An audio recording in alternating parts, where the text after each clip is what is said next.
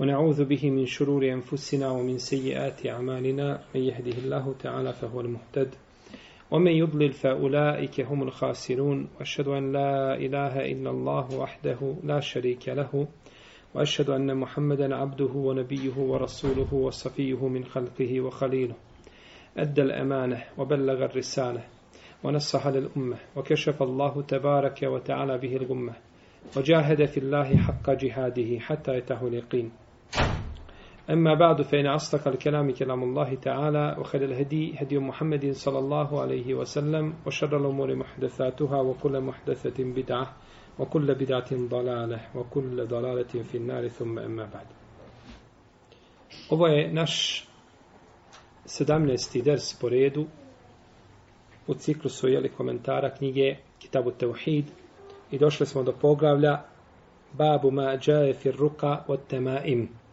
poglavlje koje pojašnjava rukju i temaim hamailije. To jeste šta se navodi od selefa po pitanju ruki i hamailija.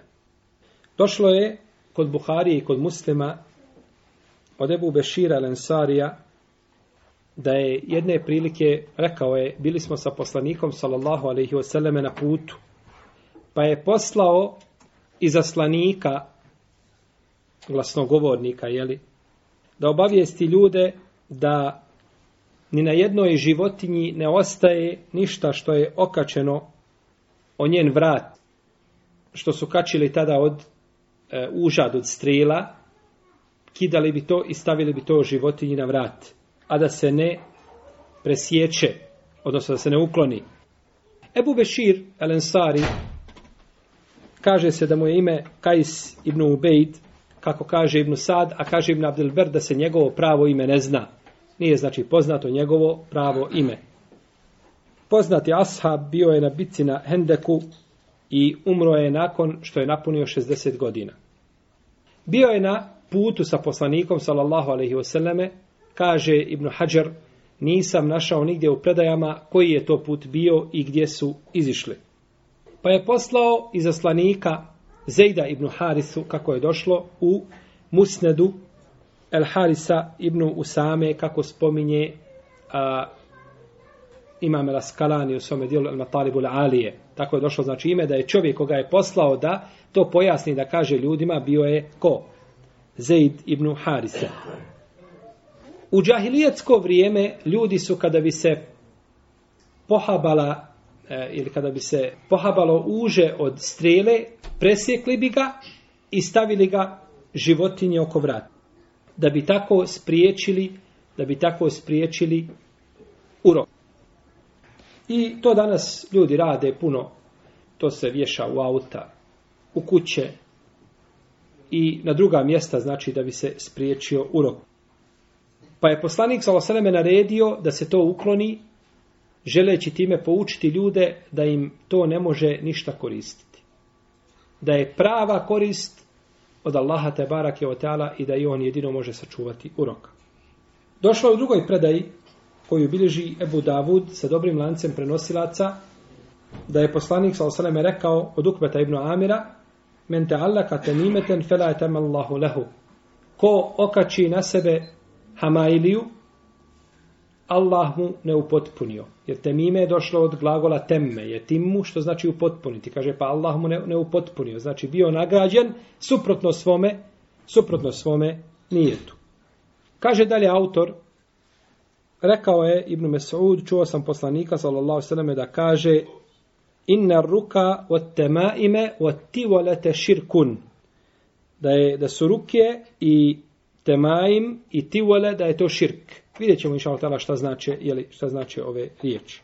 Kod Ebu Davuda ima predaja koja ima dobar lanac prenosilaca, da je Abdullah ibn Mas'ud radijallahu ta'ala to prenosi njegova uh, supruga Zeynep, da je vidio jednog dana na njenom vratu jedno uže koje je stavljeno tanje, jeli, i nakon toga upitao je šta je to, pa je kazala da je to uže kojim se, jeli, čuva od uroka, odnosno da je na taj na to uže naučeno nešto da je čuva od temperature pa je uzeo i otrgnuo ga i rekao čuo sam poslanika sallallahu da kaže da su rukije i da su a, hamajlije i tivole a vidjet ćemo šta je tivole da je to širk pa je znači dokazivao ovim ovim jeli ovom predajom njeno oko je suzilo od Zejnebe, pa je otišla kod jednog židova koji je to nešto naučio, pa kaže onda bi se umirilo oko. Pa je rekao, Abdel ibn Mesaud, to je šeitanski posao. To je šeitanski posao. Dovoljno ti je da kažeš kao što je činio poslanik, sallallahu sallam, da kaže, Ezheb ilbas, rabbu nas, ošfi ente šati, la šifae, illa šifauke šifaen, la jubadiru, sakamen. Dovoljno je, kaže, da to kažeš.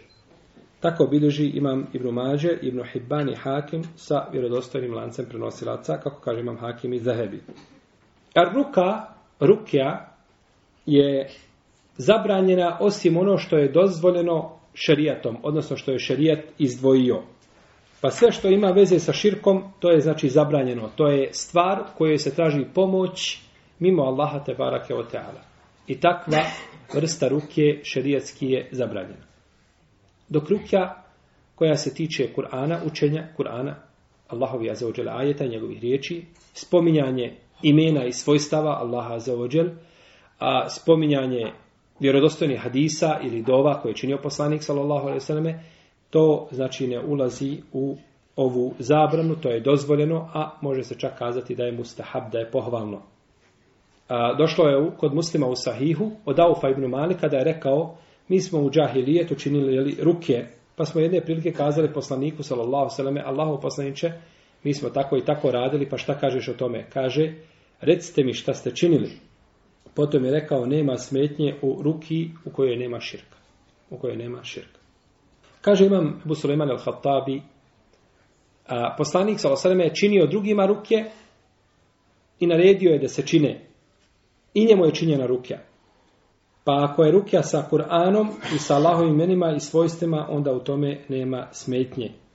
Zabrana je, kaže, došla ili pogrda za ono što nije na arapskom jeziku, jer u tome može biti kufra ili može biti riječi koje, u kojima ima širka i slično, i slično tome. Pa su nekada davno to u džahilijetu radili, a služeći se time džinima koji su im znači pomagali, I mislili su, znači, da ih to, bili su ubiđeni da ih to čuva od zla. Kaže šehol Islam ibn Taymije, a svako ime koje nije poznato, nije dozvoljeno sa njim da čovjek, da ili na osnovu njega uči rokiju, ili da dovi njime, da dovi tim imenom. I kaže, pogrdno je čovjeku da dovi, osim, znači, da u tom slučaju, osim na arapskom jeziku, kaže, ovo je samo dozvoljeno ako čovjek, znači, nije u stanju, ako nije u stanju da nauči a učenje kaže na stranim jezicima da se to uzme kao nekakav znak i simbol, kaže to nije od Allahove te barake o tala vjere. Kaže imam sujuti, a, rukja je dozvoljena ako se ispune tri šarta i tada biva dozvoljena po mišljenju svih učenjaka, po konsensusu. Prvo, prvi šart jeste da se uče Allahove riječi i da se spominju njegova imena i svojstva. Drugo, da bude na arapskom jeziku i da je razum, da su razumljive znači riječi. I treće, da je čovjek ubijeđen da rukija ne može sama po sebi pomoći. Nije rukija ta koja može pomoći, nego znači čovjeku pomaže, pomaže uzvišeni Allah, te barake, oteala. Tema im, govorili smo, mi smo ispravili kao hamajlije. Tema im u njihovo vrijeme je bilo znači nešto što su vezali za vrat djeci, u vidu e, sitnih onih kuglica, boba koje su nizali ili komada od kostiju koje stavljali i to bi nakon toga stavili djetetu oko vrata da ga čuva od uroka. Pa je došao znači šarijat da zabrani ovo i da se ukaže da ne može to čovjeku znači ništa ništa pomoći. Jer ona je od koga se traži a, e, da sačuva čovjeka a bilo kakvog zla, to je uzvišeni Allah te varake o teala. No međutim, ako bi čovjek stavio na vrat Hamailiju, koja ima na sebi ispisan, ispisane kuranske ajete, ili vjerodostojne dove od poslanika, sallallahu alaihi sallam, da li to ulazi u isti propis? Da li je isto okačiti uže i smatrati da čovjeka e, i uzeti to kao zaštitu od, od, od, od, od, od e, uroka, ili napisati kuranske ajete i hadise. Isto. Nije to isto. Ne može nikako biti isto uže i ispisati ajet, zato što su uže zabranila sva ulema. A ajete je veliki dio selefa dozvolio. Veliki dio selefa je dozvolio, znači da se stavi na vrat nešto na čemu su ispisani jasni ajeti i hadisi poslanika sallallahu alejhi ve sellem. To je razlika. Razilazi se ulema. lema jedni su dozvolili, a drugi su zabranili. Pa je tu razilaženje. Pa Abdullah ibn Amr ibn As i Aisha dozvoljavaju to. Znači da se napiše nešto i da se stavi na vrat. I to je mišljenje mama Ahmeda po jednoj verziji. Da je dozvoljeno staviti nešto na vrat od onih Amailija što nije širk. Znači gdje su jasni ajeti.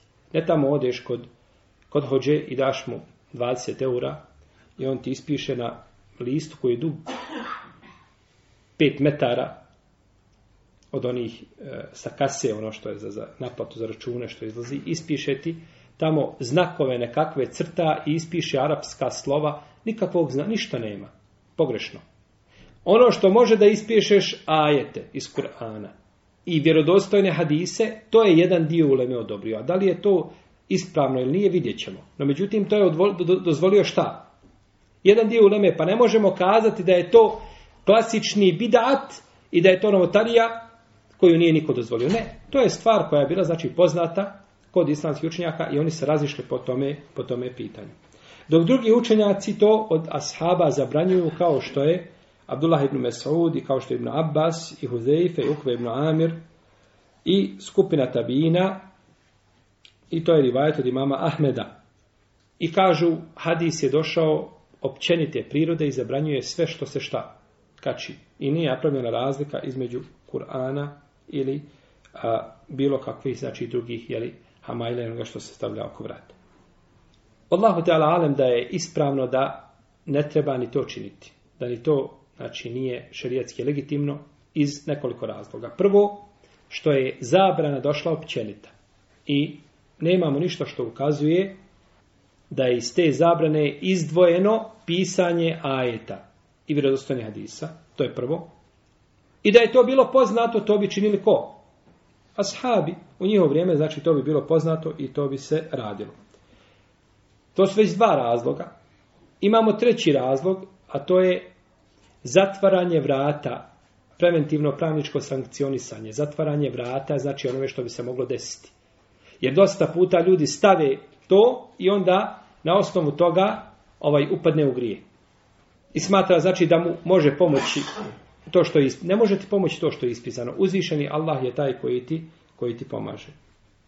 I treća stvar, čovjek koji to okači, kaže Olema, ili četvrta, on mora ulaziti sa time ili ulazi time obično u, na mjesta gdje ne priliči da se ulazi sa Allahovim ajetima. Neka Olema kaže da je ovo ismijavanje sa ajetima. Znači, i da Kur'an nije objavljen zbog toga, nego da je objavljen da se izučava, da se radi po njemu. Nije objavljen da se šta? Okači oko vrata ili u auto i da tako, znači, stoji. No, međutim, nije ispravno nazivati smijavanje ajetima. To nije ispravno. Selef je to dozvolio i niko ko je stavio Kur'an nije ismijavao se Kur'anom na takav način. Iako to nije ispravno raditi. I ne treba to raditi, no međutim, ne može se tretirati smijavanje ajetima. To je malo žestok izraz, budući da je pitanje oko koga se spore ili islamski, islamski učenjaci. Kazali smo dakle ruka, šta je rukja, ili učenje, i kakva može biti. Temaim, šta je temaim, kako su to znači nizali na konac ili slično tome i stavljali oko vrata. Djeci znači da, da ih ne zadesi urok. Ovaj, I imamo etivale, što je rekao ruka, od temaim, od tivale temine širk. Tivale to je stvar koju su e, pripremali, su znači uh, time da bi, da bi uh, učinili ženu da bude draga mužu i muž da bude drag žene. Znači da bi spojili među njima. Da bi spojili među njima. Tako je to protefsirio tu riječ etivu, ale protefsirio Abdullah ibn Mas'ud u predaj koji bliži Ibn Hibban u svome sahivu i koji bliži Hakim i drugi. Kad su gobi upitali, on je to, on je to pojasnio. I tako kaže Ibn, Ibn Hajar i kaže da je to jedan vid sihra. Da je to vid čega? Sihra on ne može smisliti žene i odjedan put mu postane draga najdraže žensko na svijetu. Da preko noći se sve to promijeni. Ne može to biti nikako znači, na regularan nekakav način, nego to biva, biva sa sihrom što je, što je šerijat zabranio. A sa koje strane biva širk? A? Što čovjek očekuje da mu to pribavi kakvu šta korist ili da otvoni od njega kakvu štetu. Jel pribavljanje korist da te žena boli ujedno je to otvoranje tako štete. Pa je znači s te strane, s te strane je širk. I došlo je u predaji Abdullaha ibn Ukejma da je poslanik sa osaleme rekao men te alaka šejen ukile ilaihi. Ko bude okačio nešto sebi ili nekakvu hamailiju, bit će prepušten tome. Bit će prepušten tome. Tako bilježi ima Mahmed i Tirmizi, i Ebu Davud i drugi. Ovaj Abdullah ibn Ukejm, on je Ebu Mabed, el Džuheni, el Kufi, Kaže Buharija da je doživio vreme poslanika, sallallahu sallam, ali nije čuo od njega ništa direktno. Ali ova predaja ima različite jeli, puteve kojim se prenosi. A, bio, bio je živio je u Kufi i umro je u vrijeme a, e, a, e, jeli, kada je Hadžađ bio namjesnik. Ko okači nešto, bit će prepušten onome što je okačio. Čovjek prvo kada nešto okači, on je to okačio za svoje srce prije nego što je okačio šta za svoje tijelo. Prvo je došlo do srca. Pa se onda to pokazuje na njegovim udovima, njegovim dijelima i njegovim šta? Riječima. I njegovim riječima. Jer da mu to uzmeš, da mu to otrgneš i da baciš, smatraće da je izgubio i dunjalu i ahiret. Je li tako? I smatraće da ti koji su to učinio da su najveći zločinec i da ćete morati zadesiti nekakva, nekakva kazna od Allaha na ovome svijetu. Što ukazuje da on nije srce vezao za koga? za Allaha te barek tala. Uprotivom rekao to što si ti otrgnuo, to me ništa ne znači. Da je Allah je taj koji mene liječi i koji mi može kakvu korist pribaviti ili štetu od mene otkloniti. Znači nije vezao srce za koga? Za stvoritelja te barake od teala. Dok čovjek koji veže svoje srce za stvoritelja zvođer, on mu je dovoljan. On mu je znači dovoljan. Omen je tevakel ala Allahi fehuva hasbo. Ko se osloni na Allaha, on mu je dovoljan, ne trebamo niko drugi. Kaže Ata el Harasani, jedne prilike sam davafio oko Kabe. I sreo sam Wahba ibn Munebbih. Wahba ibn Munebbih je od a, velike skupine tabijina, prenosi od Ebu Hureyre posebno, znači, hadijsku zbirku, koja se zove Sahifetu Sahiha. I to je jedna od prvih hadijskih zbirki koja je jeli, ovaj, zapisana i koja je zabilježena nakon onoga što su obilježila sahabe. Pa mu je rekao, ispričaj mi nešto, daj mi nekakvu predaju koju ću zapamtiti od tebe sa ovoga mjesta. Da je ne zaboravim. Dok smo tavafili, ti si mi je pričao, prenio si mi tu predaju, kaže mi nešto, ali kaže kratko, nemoj mi puno duljiti. Pa je rekao, dobro, kaže, objavio je uzvišeni Allah te barak je otala Davudu, ale i selam, i rekao je, o Davude, tako mi moga ponosa i tako mi moje veličine, koji se god, ab, koji se god rob bude čvrsto držao za mene, to je čvrsto se na svoga stvoritelja Tebara Kevoteala, ne vežući se za moje robove pored mene, znači samo na Allaha za ođe, a ja to, kaže, znam od, iz njegovog nijeta. Kaže, kada bi mu spletkarilo sedam nebesa i sedam zemalja, i sve što je na njima, ja bih mu, kaže, dao izlaz među njih. Znači, sve što postoji i na nebesima i na zemlji, nećemo nikom moći naštiti, jer ja ću mu dati izlaz, zato što se oslonio samo na mene. Na mene se je pozivao i ja ću biti zaštitnik i sigurno ću mu dati nekakav izlaz. I tako mi moga ponosa i tako mi moje veličine, ako se on bude vezao za nekoga od mojih robova, a ja to znam po njegovom nijetu, kaže, prekinuću uže koje je u njegovim rukama sa nebesima i učinit ću zemlju pod njegovim nogama nestabilnom i ne zanima me u bilo kojoj, u bilo kom predijelu zemlje da bude uništen. Pa znači, nije u korist čovjeku ni u kom pogledu da se veže za bilo koga drugog mimo stvoritelja te barake o teana. I kaže autor dalje, bileži ima Mahmed, a ova predaja je i kod Ebu Davuda u sunenu, ona je vjerodostojna, da je rekao Ruvajfa, kaže, rekao mi je poslanik sallallahu sallame, ja Ruvajfa, možda ćeš ti, kaže, dugo živjeti, možda će tvoj život potrajati. Obavijesti, kaže, ljude da onaj ko zaveže svoju bradu ili ko okači nešto o vrat, govorili smo onaj luk od strile, znači onaj ona što ima konopac onaj, ili se očisti sa izmetom od životinje ili sa kosti da je poslanik, da je Muhammed od njega, da se njega Muhammed odriče. U ovoj predaji je dokaz da se treba prenositi sve od Allaha te barake o teala i od poslanika, znači prenošenje Islama općenito. I ova naredba nije vezana samo za Ruifeo. Naređeno je njemu, ali se odnosi naredba na koga? na svakoga drugog koji ima znanje korisno koje ljudi ne znaju, dužan ga je prenijeti. Pa ako nema niko osim tebe to znanje, dužan si da ga preneseš i tad ti je prenošenje znanja fardain, obaveza, znači koja pada na tebe kao jedinku.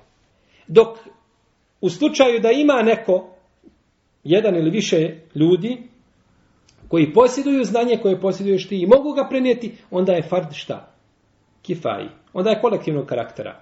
Ako jedan prenese, ili skupina koja može, znači, da udovolji potrebama, onda spada odgovornost sa drugim, u protivnom bit će griješni svi koji su to mogli uraditi, učiniti, a nisu to učinili. Možda će tvoj život potrejati, rekao je poslanik, ali sam kome, Rojf je. Možda će tvoj život potrejati. U ovome je jedan od znakova poslanstva Rasulullaha sallallahu alaihi wa sallam. Jer otkud zna Resulullah, alaih salatu wasalam, ko će koliko živjeti? Oma tedri nefsun bi ejerdin temut. Ne zna niko gdje će umrijeti, ne zna ništa. Ne zna niko gajba osim Allaha te barake o No međutim, ovo je dokaz, znači, poslanstva Resulullaha, alaih salatu wasalam. Pa je zaista poživio dugo. Tako da je umro 53. ili 56. godine nakon hijdžre, Pogledajte, znači, koliko je živio još nakon poslanika, saloseneme, 45 godina otprilike, ili, ili manje ili više od toga. Ko zaveže svoju bradu? Ovo vezanje brade može biti, ovaj, vidimo, znači, da poslanik saloseneme spominje bradu. Znači, to nije bilo ništa nepoznato. Kod ashaba je bilo, znači, poznato to. Čak nije bilo poznato nikada da je ikad iko džahila pagana da je obrio svoju bradu. Nikada nije zabilježeno ni u lažnoj predaji da je neko od pagana, ljudi, mušrika koji su padali na kipu, latu i uzau, da su obrijali svoju bradu. To nije bilo nikad poznato. Znači, taj sunnet je bio prije Islama i Islam je došao i zatekao taj lijepi sunnet i nakon toga ga potvrdio da muškarci nose brade. Kaže ko sveže bradu, a, kaže Imam el-Hatabi, može se ovo protumačiti na dva načina – ili postoje dva tumačenja, znači kako je vezanje brade. Da su to činili ljudi u ratu, zavežu bradu u ratu. I da su tako činili nevjernici u to vrijeme, kažu neki učenjaci činili su to iz oholosti svoje. Vezali su znači brade na određeni način iz oholosti. Nije to znači detaljno pojašeno kako je bio način tog vezanja brade. I drugi način jeste da se čovjek igra svojom bradom da je kovrđa tako znači dok a, se sva ne ispreplete, da se izmrsi i da je, znači, a, tako ostavi. Kažu, to, je, to su postupci, tako žene čine, tako se žene uljepšavaju. Znači, svoju kosu tako dotjeravaju, pa to muškarci ne bi smjeli, ne bi smjeli činiti. Dok jedan dio učenjaka kaže da se ovo odnosi na vezanje brade u namazu. Vezanje brade u namazu. Kako se nije, neće, neće kosa vezati u namazu, tako se neće vezati šta ni brada. I došao je rivajet od Muhameda ibn Rabije, kaže ovdje autor, a ne menaka da lihjetehu fis salah, ko zaveže svoju bradu u namazu. Pa kaže, to se odnosi na brezanje bradešta u namazu. No, međutim, ova predaja je Allahu Teala alem, ja je nisam uspio naći u poznatim hadijskim zbirkama i ne znam gdje se bilježi i ne spominju je učenjaci. Kad spominju ovaj hadis, rijetko ko znači da spominje ovaj rivajet i da sa njim dokazuje, uglavnom ne znam da je zabilježen u poznatim zbirkama, nastavit ćemo i dalje tragati da vidimo, ne bili smo našla ovaj rivajet, ali do sada nisam uspio znači naći ga. Ko stavi nešto takallede vataran, ko stavi znači taj konopac od strele, koga stavi na vrat, misli se na životinju, jeli da spriječi, e, spriječi od uroka. Isto je znači zabranjeno. Ili ko se očisti sa balegom ili sa kosti, da je poslanik od njega da se njega odriče, da od njega čisti. Kaže imam neovi, odriče se njegovog postupka. Odriče se šta? Njegovog postupka, a ne njega samog. No, međutim, autor kaže imam neovi često, ovaj, kada tefsiri hadisa, često, e, znači, ode sa onoga pravog značenja hadisa, pa ga simbolično protumači. Kaže, to nije, e, to je suprotno, kaže, spolješen značenje, jer se kaže u hadisu, da, da ga obavijesti da je poslanik fejne Muhammeden beriun minhu, poslanik Muhammed ga se odriče. Nije rekao odriče se njegovog dijela, nego odriče se njega. I došlo je muslimom sahiju od Ibnu Mesuda radijallahu ta'ala anhu da je poslanik sallallahu alaihi wasallam rekao nemojte se čistiti sa balegom niti sa kostima, to je hrana vaše braće džina. I stoga nije dozvoljeno čovjek da se očisti, niti se smatra očišćenim onaj ko se očisti time. Kada bi se čovjek očistio nakon nužde sa kosti i očistio se u potpunosti, Da li se očisti, da li se smatra da je očistio se nakon nužde ili ne smatra? Smatra da se nije očistio. Jer je došlo, Imam Ahmed kaže, takav se nije nikako očistio, jer je došlo kod Ibnu Huzeime i kod Dare Kutnija došla je predaja u kojoj Ebu Hurere kaže da je poslanik Salasaleme zabranio da se čovjek čisti sa kosti sa balegom i rekao one ne mogu očistiti. Nisu stvari šta koje čiste, nisu stvari koje čiste. Iako ne mogu ukloniti neđasiti. Ali jedno je da se ukloni, a drugo je šta da se da se očisti. I kaže da rekutni da ova predaja je vjerodostojna i tako kaže El Mubarek Furi. Kaže Said Ibn Džubeir, ovaj sad opet su riječi autora, kaže ko prekine Hamailiju čovjeku koje otrgne sa vrata kao da je oslobodio roba. Tako bi je živo kije. Tako bi je živo kije Ibn Džarah. Ko znači vidi na nekome hamajliju i uhvati je, istrga je, kao da je oslobodio šta? Roba. Ovo je svakako vezano za čovjeka koji ima pravo da to učini osobi. Znači, da vidiš to na svojoj supruzi, da to otrgneš, ako smiješ naravno, jel? ili ako vidiš to na punici, znači dijete kada bi stavilo, ili neko ko je pod tvojim nadzorom, znači za koga si ti odgovoran, jel u redu?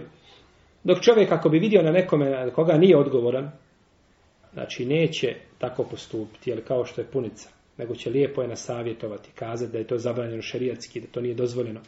Jer a, takav način, znači uklanjanja zla, može napraviti veće probleme. Osim ako čovjek zna da će to sigurno proći kao da je čovjek recimo učen i cijenjen među ljudima i kada to učini da će mu ljudi biti zahvalni da kažu Allah te nagradio što to učinio i tako dalje, to je druga stvar. No, međutim, da to čovjek radi, koga god vidi, da tako postupa ne. Znači, nego treba lijepo nasavjetovati, znači, i ukazati na tu grešku. Ovdje ova predaja sa Idevnu Džubeira, a u komentaru se kaže, ova predaja ima propis hadisa, marfua. Laha hukmu rafa. Ima propis hadisa koji se veže za poslanika, sa osanem.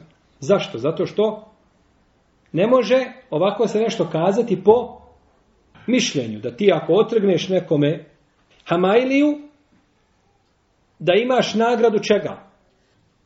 Oslobađanje roba. To, to treba tekst šerijatski. No međutim, Sejdi Ibn Džuberi je tabin. Iz pozne skupine tabina njega je ubio hađač. Pred, pred njegovim nogama je ubijen. Glava mu je otkinuta, pred njegovim nogama. On je naredio da, da, da ga ubio. Njemu da Allaha ono što je zaslužio. Je li Sejdi Ibn Džuberi ashab? Nije. Ako kaže tabin određenu stvar, Wahb ibn Munebih je sada rekao Davuda, plenio Davuda i sva nešto. Ne možemo kazati to što je prenio Dauda, ali i selam, to su riječi koje mora čuti. Ne može to biti propis ovaj hadisa. Propis hadisa hukmu rafa biva kada ashab kaže određenu stvar. Kažemo, e to je morao čuti od poslanika, sa osreme, to ne može. Kada Ibn Abbas kaže da melek koji drži arš, da je između njegovog mehkog dijela uha i ramena, da ptica leti 500 godina i da to ne može prevaliti. To Ibn Abbas ne može kazati od sebe. Tu nema ištihada. Možda postoji mogućnost da neko kaže to je vezano za Israelijate, to je druga stvar. Ali ako bi to rekao tabin, u tom slučaju se opće ne raspravlja mogućnost čega? Da je to hadis poslanika sa osrem. Nego to je vezano samo, znači kada Ashab kaže nešto, onda se kaže da je rekao hukmu rafa, a ne kada kaže tabin. I ovoj predaj je jeli, odlika onoga ko prekine Hama ili Juel. Ok, Ibn Đarah je poznati kufija, jeli, eh, imam a, koji je napisao brojna svoje dijela i ima svoje dijelo koje zove džamija. Umro je 179. hiđarske godine. Sa kim je skupa umro? Ebu Hanife je umro 150. hiđarske godine. Sa jednim od četiri mama. Onda ima Ahmed ibn Hanbel, djeste, on je umro 241. Nama treba 179. Ostalo se još dvojica. Šafija 204. i ima Malik 179. Znači, umro je skupa sa imamom Malikom, da im se Allah sminuje oba dvojica. Kaže Ibrahim, mrzili su da se stavljaju, prezirali su da se sad stavljaju hamailije od Kur'ana ili od nečega drugog mimo Kur'ana. Kada kaže ovdje Ibrahim, ko je Ibrahim? Ibn Jezide Nehaji. On kada kaže, a, a, jeli Ebu Imran, poznati jeli, e, tabin, faqih, koji je bio povjerljiv, Eh, dolazio je kod Ajše, ali nije čuo od Ajše ništa, znači nije ništa konkretno čuo, jeli, nije ništa konkretno čuo od nje i ovaj, umro je 96. godine kada je imao 50 godina. A, kaže, mrzili su da se stavljaju a, eh, hamajlije na, na oko vrata, jeli, bilo, bilo od Kur'ana ili mimo Kur'ana. Kada kaže, mrzili su misli na učenike Abdullaha ibn Mesauda. Zato što smo spomenuli da je Abdullah ibn Mesaud jedan od ashaba koji je šta? zabranjivao, jel u redu? Za razliku od Abdullah ibn Amra i Mlasa i Ajše koji su to dozvoljavali. Pa kada kaže preziralo su misli na Alkamu i misli na Lesvoda i Ebu Vajla i Harisa ibn Suvejda, misli na Ubejda i Salmanija, misli na Mesruka i Rabio ibn eh, Huseima i misli na Suvejda ibn Gaflu i na druge. To su znači tabini koji su bili poznati učenjaci, učenici njegovi i kada kaže zabranjivali su misli znači na uh, na ove učenike Abdullah ibn Mesuda kako je to pojasnio Hafiz al-Iraqi koji kaže kada e, kaže e, imam Ibrahim Nahaj da su nešto prezirali misli znači na misli na e, ove učenike je li od imama odnosno od sahaba ibn Mesuda Potom je autor spomenu nekoliko mesela u ome poglavlju. Prva mesela je tefsir rukije i tefsir temime ili temaima, množina šta je jedno, a šta je drugo. Kazali smo da je rukja ono što se jeli, uči, a, a kazali smo da se temajim stavlja e, sa, sa užetom, sa užeta se uzima od, od strile, a tivole da je to ono što se pravi da bi se supružnici znači, bolje slagali, odnosno da se zavoli muž suprugu ili obrnuto. U trećem mesela ovdje je pojašnjenje da su ove sve tri stvari od širka, Četvrto, da rukija sa Allahovim riječima, bilo da je vezano za urok ili za bolest ili za bilo šta drugo, nije od širka. Rukija, znači šerijatska koje smatra se učenjeli Kur'ana. Dalje, mesela da se je Selef razišao, to je peta mesela da se je Selef razišao kada je u pitanju a Hamailija koja u sebi sadrži šta? Ajete i vjerodostojne dove. Šesto, da je stavljanje a znači oko vrata životinjama životinja jeli a, užeta od, od strila da je to isto tako od širka sedmo teška kazna onome ko to učini osmo vrijednost kidanja znači hamajlije sa vrata i deveto riječi Ibrahima Enehaija Ibn Jezida El Kufija kada pa je rekao smatrali su zabranjenim ili mrzili su, prezirali, ne, ne suprostavlja se onome što smo prenijeli od Abdullaha ibn Amra i od Ajše. Jer on kada kaže da su prezirali, na koga misli? Misli na tabine, na učenike Abdullaha ibn Mesovda. Nije znači mislio da to pripiše ashabima i da to bude šta? Mezeba ashaba. I kažemo ashabi su prezirali i sad od jedan put kažemo da je to kod Selefa bilo poznato to razilaženje. Nije znači u tome nije bilo nikakvog razilaženja znači, razilaženje je došlo kada je u pitanju, znači, Kur'an i kada je u pitanju kod spisanih vjerodostojne dove kod ashaba i kod generacija nakon njih, dok, znači, Hamajli u kojima ima širka, to je bez ikakve sumnje zabranjeno i tu nema nikakvi razilaženja.